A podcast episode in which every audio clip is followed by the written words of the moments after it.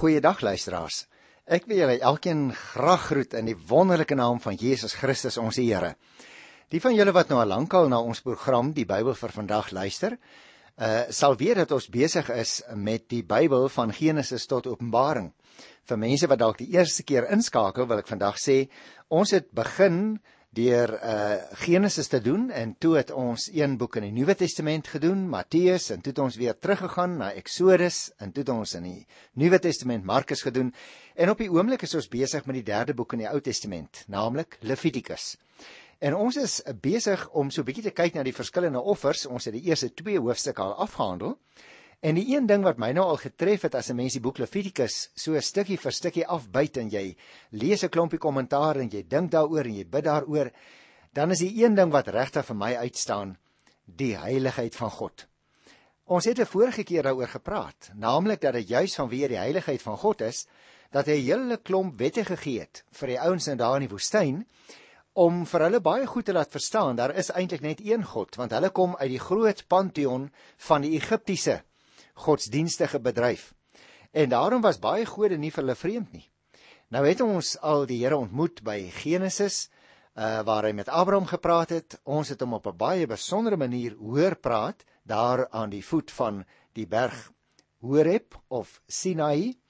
En nou is ons besig met allerlei verskillende soorte wetgewings uh, burgerlike wetgewing, ander wette wat gehandel het oor gesondheid, want ons moet onthou, daar was byvoorbeeld nie uh, latrines wat die mense gehad het nie en daarom was daar selfs voorskrifte dat hulle buite die kamp moes uitgaan.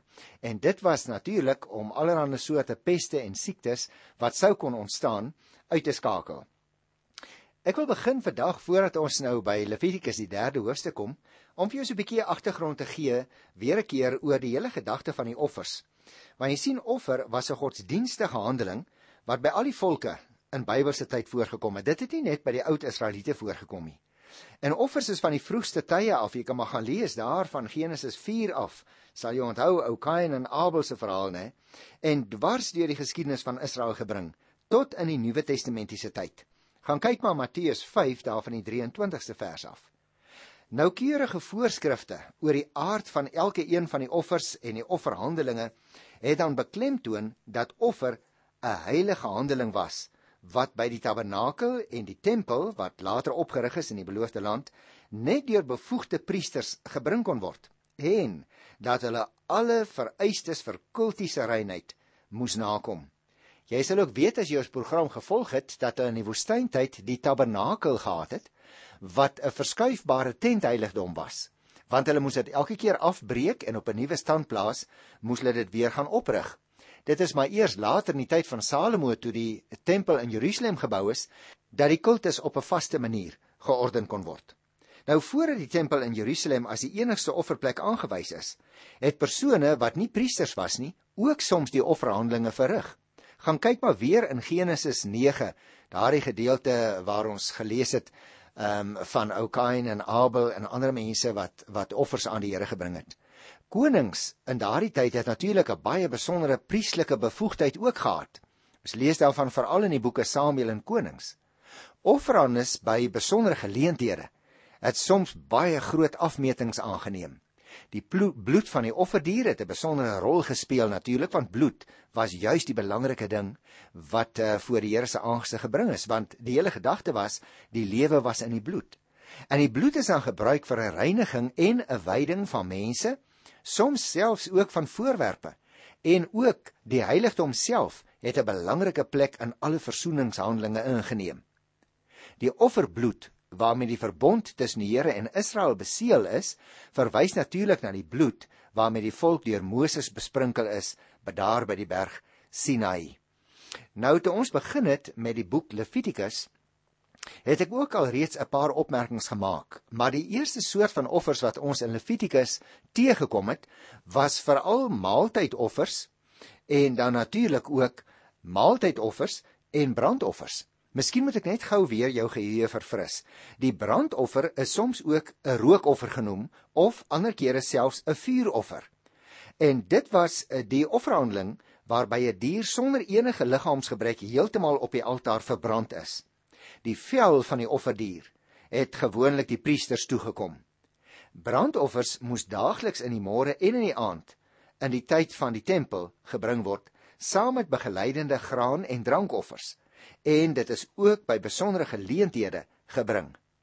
Die ander een wat ons nou reeds ontmoet het behalwe die brandoffers, nou ons gaan tussen hakies, al twee hierdie offers nou weer teekom vandag hier in ons program in uh, Levitikus 3.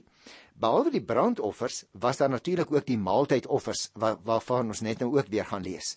Nou die maaltydoffer was ook 'n diereoffer, maar interessant genoeg, anders as by die brandoffers waar voëls ook geoffer kon word, was voëls uitgesluit by die bring van 'n maaltydoffer.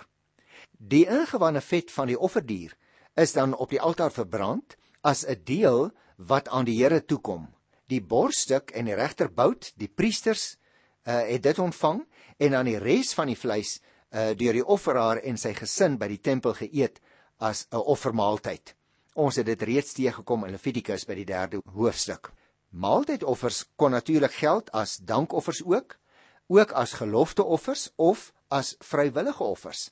En so gaan ons dit ook vandag hier teekom in Levitikus by die 3de hoofstuk.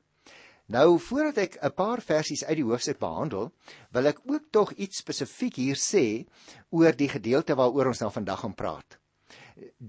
Jy sal dadelik agterkom dat in die eerste 5 verse wat ons net nou gaan behandel van Levitikus 3, dit handel oor 'n maaltydoffer wat gekom het uit die beeskudde.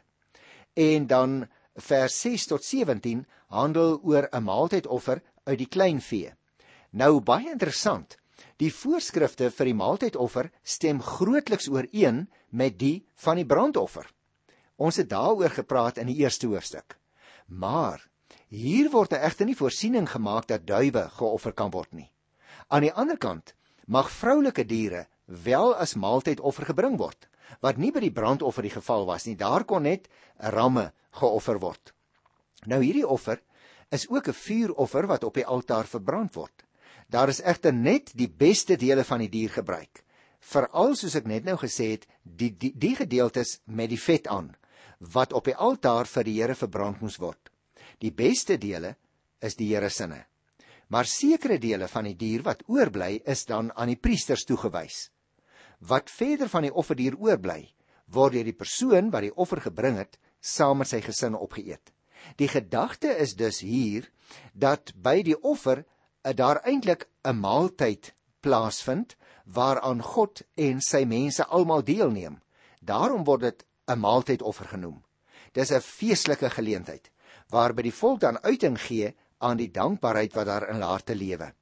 Dit is terselfdertyd ook 'n sigbare teken van die gemeenskap tussen God en mens. Dit is dus simbolies van die vrede tussen die Here en die mense wat deelgeneem het aan die offermaaltyd.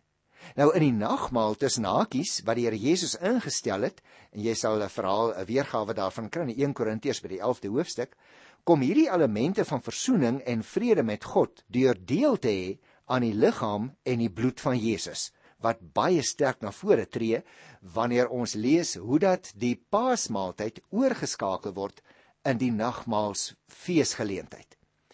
Ek dink wat ook belangrik is hier by die maaltydoffer is dat die maaltydoffer uh soos die brand en die graanoffer ook 'n vuuroffer was wat deur die Here aanvaar word.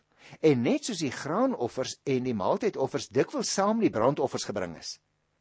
Daar word trouens met die woorde bo op die brandoffer veronderstel dat dit direk na die brandoffer gebring kon word. Ons gaan dit nou nou teekom in vers 5. Die voorskrifte word dan gegee op dieselfde patroon as die in die voorafgaande hoofstukke. Daar is ook hier in Levitikus 3 drie eenhede waarin die offers in volgorde van belangrikheid aan die orde kom. En elke eenheid word met 'n sin afgesluit waarin na die vuuroffer van die Here verwys word. Ek wil dit net vir jou lees. Aan die einde van die eerste gedeelte staan daar aan die einde van vers 5: Dit is 'n vuuroffer wat deur die Here aanvaar word. En dan staan dit ook aan die einde van die tweede gedeelte, hier by vers 11. Dit is voedsel, dit is 'n vuuroffer vir die Here. En dit word ook na die derde gedeelte herhaal hier aan die einde van vers 16. Dit is voedsel, dit is 'n vuuroffer wat deur die Here aanvaar word. Met ander woorde luisteraars, dit lyk vir my dat ons kan sê dit gaan juis by die maaltydoffer oor 'n offer van dankbaarheid teenoor die Here. Vir dankbaarheid ook dat die gelowige in gemeenskap mag tree met die lewende God. Nou wanneer ek nou die eerste 5 versies gaan behandel, dan sê jy nou dink ek gaan nou afskeep uh as ek die res uh van die hoofstuk uitlaat, dit het om die waarheid te sê maar net 17 versies, maar die rede is eintlik dat daar elkeen in elkeen van die drie afdelings sekere herhalings plaasvind. En daarom gaan ek daar herhalings van vers 6 af uitlaat en ek gaan net die eerste 5 versies behandel. Nou kom ons uh behandel dit dan en dan gee ek 'n oorsig van die res van die hoofstuk. Kom ons begin by vers 1. As iemand 'n maaltydoffer wil bring en hy wil dit aanbied uit sy beeste. Jy sien dit gaan dus oor die groot vee. Dan kan hy vir die Here 'n bul of 'n koei aanbied, maar sonder liggaamsgebrek. Jy moet oplet. In die geval van 'n maaltydoffer kon groot of klein vee geoffer word. Maar nou, anders as by die brandoffer wat ons 'n vorige keer behandel het, uh kon vroulike diere ook geslag word volgens hierdie uh, maaltydoffer waarmee ons nou besig is. Maar dit moes altyd diere wees sonder enige liggaamsgebrek, behalwe wanneer die maaltydoffer bedoel was as 'n vrywillige gawe. Nou dit gaan ons eers uh, met mekaar bespreek in die 22ste hoofstuk. Baie interessant ook. Duwe word hier by die maaltydoffer nie genoem as maaltydoffers nie, juis omdat hulle te klein was met die oog op 'n maaltyd vir die een wat offer sodat hy en sy afhanklikes daarvan sou kon eet. En dit is waarskynlik dus 'n praktiese reëling wat die Here maak dat in hierdie geval voëls nie geoffer kan word nie. Nou kom ons lees die res hier van uh, Levitikus 3. Ek gaan net lees van Hoofstuk 2 tot by vers 5 en ek het nou nou verduidelik hoekom ek die res gaan uitlaat. Die man sit sy hand op die offerdier se kop en slag dit by die ingang van die tent van ontmoeting. Die Aaronitiese priesters sprinkel aan die bloed rondom teen die altaar. Dan bied hy uit die maaltydoffer vir die Here 'n vuuroffer aan, bestaande uit die vet wat die binnegoed bedek, die vet aan die binnegoed self, die twee niere met die vet aan wat teen die kruis is en die punt van die lewer wat saam met die niere verwyder word. Die Aaronitiese priester verbrand dit op die altaar, bo op die brandoffer op die vuur. En hy sinnetjie wat ek net nou gelees het, Dit is 'n vuuroffer wat deur die Here aanvaar word. Nou, as ons nou hierna kyk en ek wil nou weer sê dit word herhaal in die res van Hosea 3, daarom gaan ek die res van die verse nie uh, lees nie. Dan merk jy op die prosedure wat by die slag van die maaltydoffer gevolg is, was tot op 'n sekere punt presies dieselfde as die prosedure wat by die slag van die brandoffer gevolg is wat ons bespreek het in hoofstuk 1 daarvan die 3de vers af. Die enigste verskil is dat die dier vir die maaltydoffer nie in die voorhof aan die noorde kant van die altaar geslag is nie, maar net buite die ingang na die voorhof toe. By 'n maaltydoffer is ook die vasgestelde dele van die offerdier op die altaar verbrand, net soos by die brandoffer. Dit was al die binnevet, die niere, die punt van een van die segmente van die lewer wat soos 'n vinger lyk en in die geval van skape ook nog die vetstert wat verbrand is. Die rede waarom juis hierdie dele verbrand is, is nie presies vir ons duidelik nie. Vet was net soos bloed vir die Israeliete verbode. Ons gaan dit teekom in die 7de hoofstuk van die 22ste vers af. Jy sien vet het volgens die 16de vers wat ek nou nie gelees het nie, aan die Here behoort. Waarskynlik omdat dit die beste deel van die offer was. Die niere het waarskynlik ook tot hierdie beste deel behoort omdat dit deur die niervet omring word. Die lewer aan die ander kant van so 'n offerdier het in die heidene godsdienste rondom Israel 'n baie belangrike rol gespeel. Die heidene het naamlik gemeen dat daar allerlei voortekens afgelei sou kon word uit die manier waarop die lewer in 'n offerdier se liggaam lê.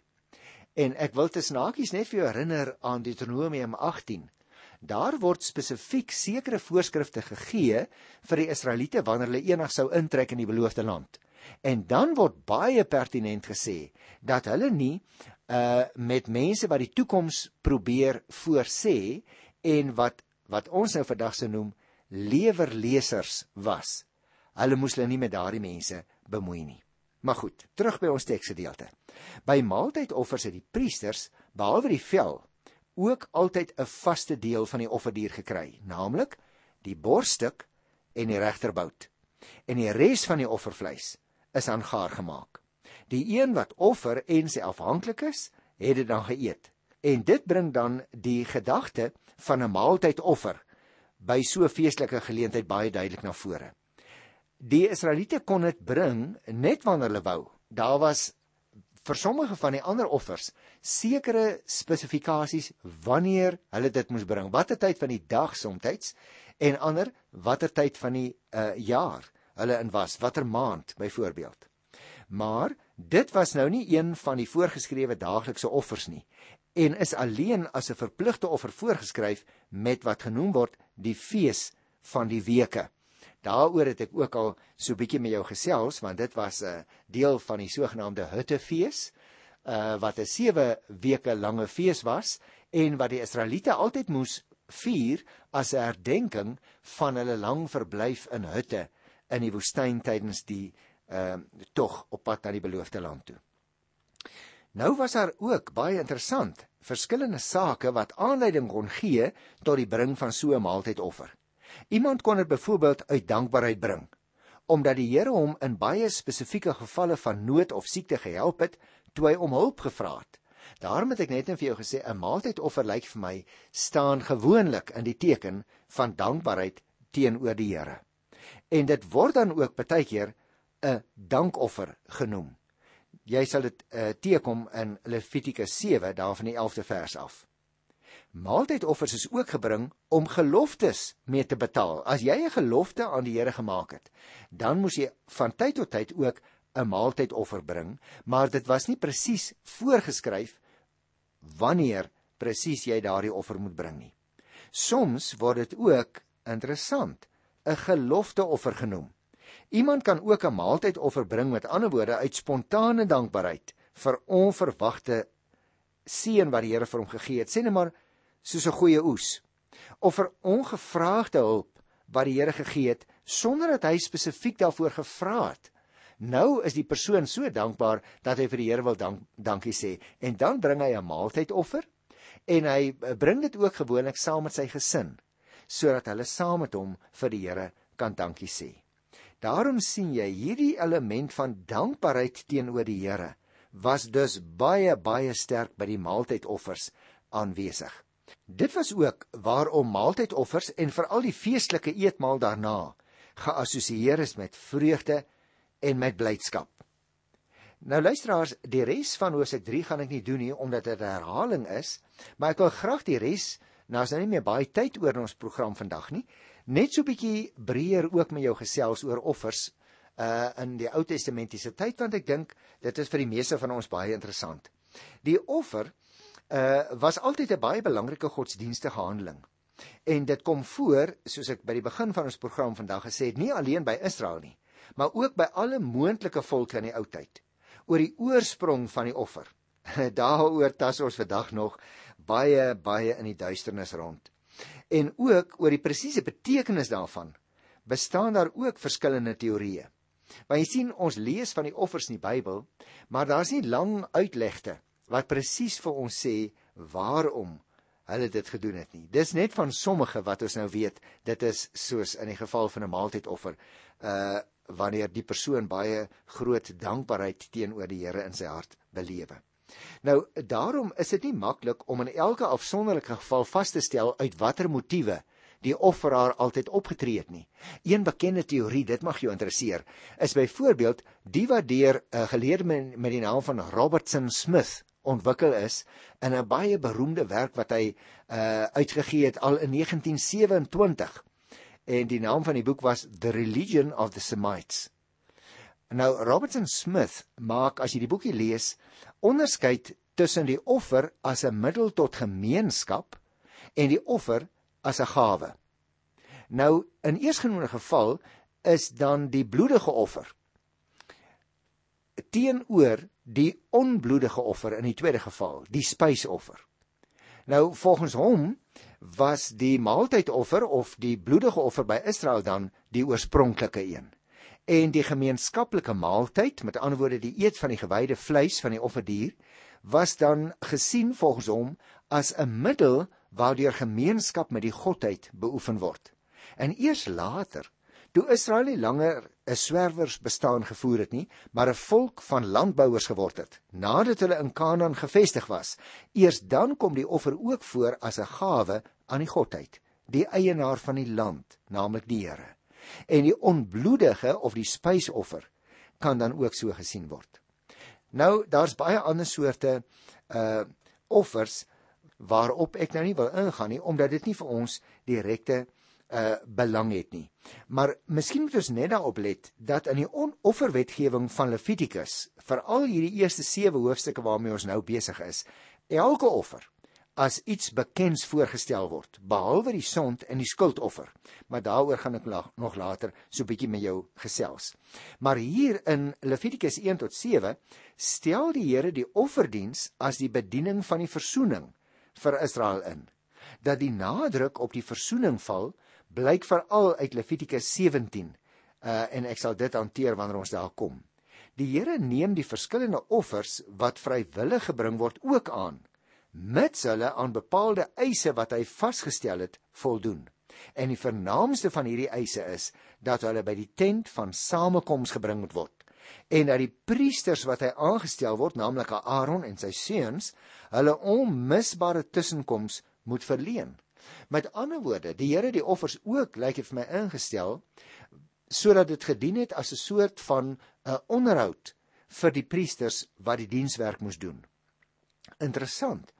Ook kom daar verpligte offers, soos die sond en die skuldoffer, waarby ek in die volgende program so die Here uh wil sal kom in Levitikus 4 en 5. Ek dink wat ook belangrik is, is dat ons altyd sal onthou die algemene naam wat in hierdie hoofstukke in die Bybel gebruik word, is korban. Dit kan ons min of meer vertaal met offergawe. Maar jy sien korban is iets wat nader aan die Here gebring word. En hierdie offergawes word dan onderskei in brandoffers of spysoffers of gelofteoffers en daar's nog 'n hele klomp ander. 'n Brandoffer kon ten gevolge van 'n gelofte of as 'n vrywillige gawe gebring word, net soos die maaltydoffer wat ons nou vandag behandel het. Verder kan naas die spysoffer ook genoem word die drankoffer en die reukoffer. Nou ons sal daaroor praat as ons uh, dit behandel. Kom ek vat dit saam vir vandag. Ek dink luisteraars die oorheersende gedagte wat na vore kom is van die mense kant gesien dankbaarheid teenoor die Here vir sy goedheid, vir dit wat hy in die landbou gee, vir dit wat hy in die veeteelt aan mense gee, want onthou in die woestyn was dit vir hulle baie baie belangrik want in die woestyn kan jy nie sommer net 'n klomp graan plant en dit gaan groei nie want daar is geen reën nie Jy kan ook nie sommer net verwag dat jou kuddes ruim gaan groter word en vermeerder nie, want daar was dikwels maar die meeste van die tyd baie karige voedsel wat die skape en die beeste in die woestyn kon vreet. Daarom was dit baie baie groot dankbaarheid wat in mense se harte geleef het as hulle ontdek hoe goed die Here vir my sorg. En daarom kan 'n mens verstaan dat hulle graag 'n offer van dankbaarheid van hulle kant teenoor die Here wou bring. As ons dit sou omkeer en ons probeer so vir 'n oombliekie van die Here se kant af kyk na die offers, dan het ek al 'n vorige keer vir jou gesê, dit gaan oor die heiligheid van die Here. En daarom het ek 'n vorige keer ook al vir jou tekste gelees, juis in Levitikus wat sê, "Julle moet heilig wees, want die Here, julle God, is heilig." Nou dit beteken natuurlik nie dat die bring van offers hulle heiliger en heiliger gemaak het nie maar hulle die offers gebring om juis erkenning te gee aan die heiligheid van die Here. En daarom het hulle dit tereg ook so verstaan dat hulle nie maar sommer net mag instorm in die teenwoordigheid van die Here nie. Wat sou dit vir jou en vir my beteken in ons tyd?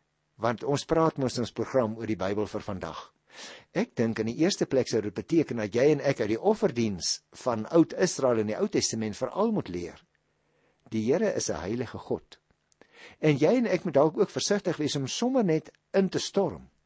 As ons nie deur Jesus Christus 'n verhouding met God het nie, dan moet ons oppas vir 'n klomp skietgebede. Leef in verhouding met die Here elke dag, luisteraar. En op hierdie punt wat oproep tot nuwe toewyding, nuwe erkenning vir wie die Here is. Op hierdie punt wil ek vandag afsluit. Geliefde, ek groet jou in die wonderlike wonderlike naam van Jesus Christus wat die laaste bloedige offer gebring het om vir ons vryheid en volkomme versoening met God vir altyd te bewerk. Tot dan. Totsiens.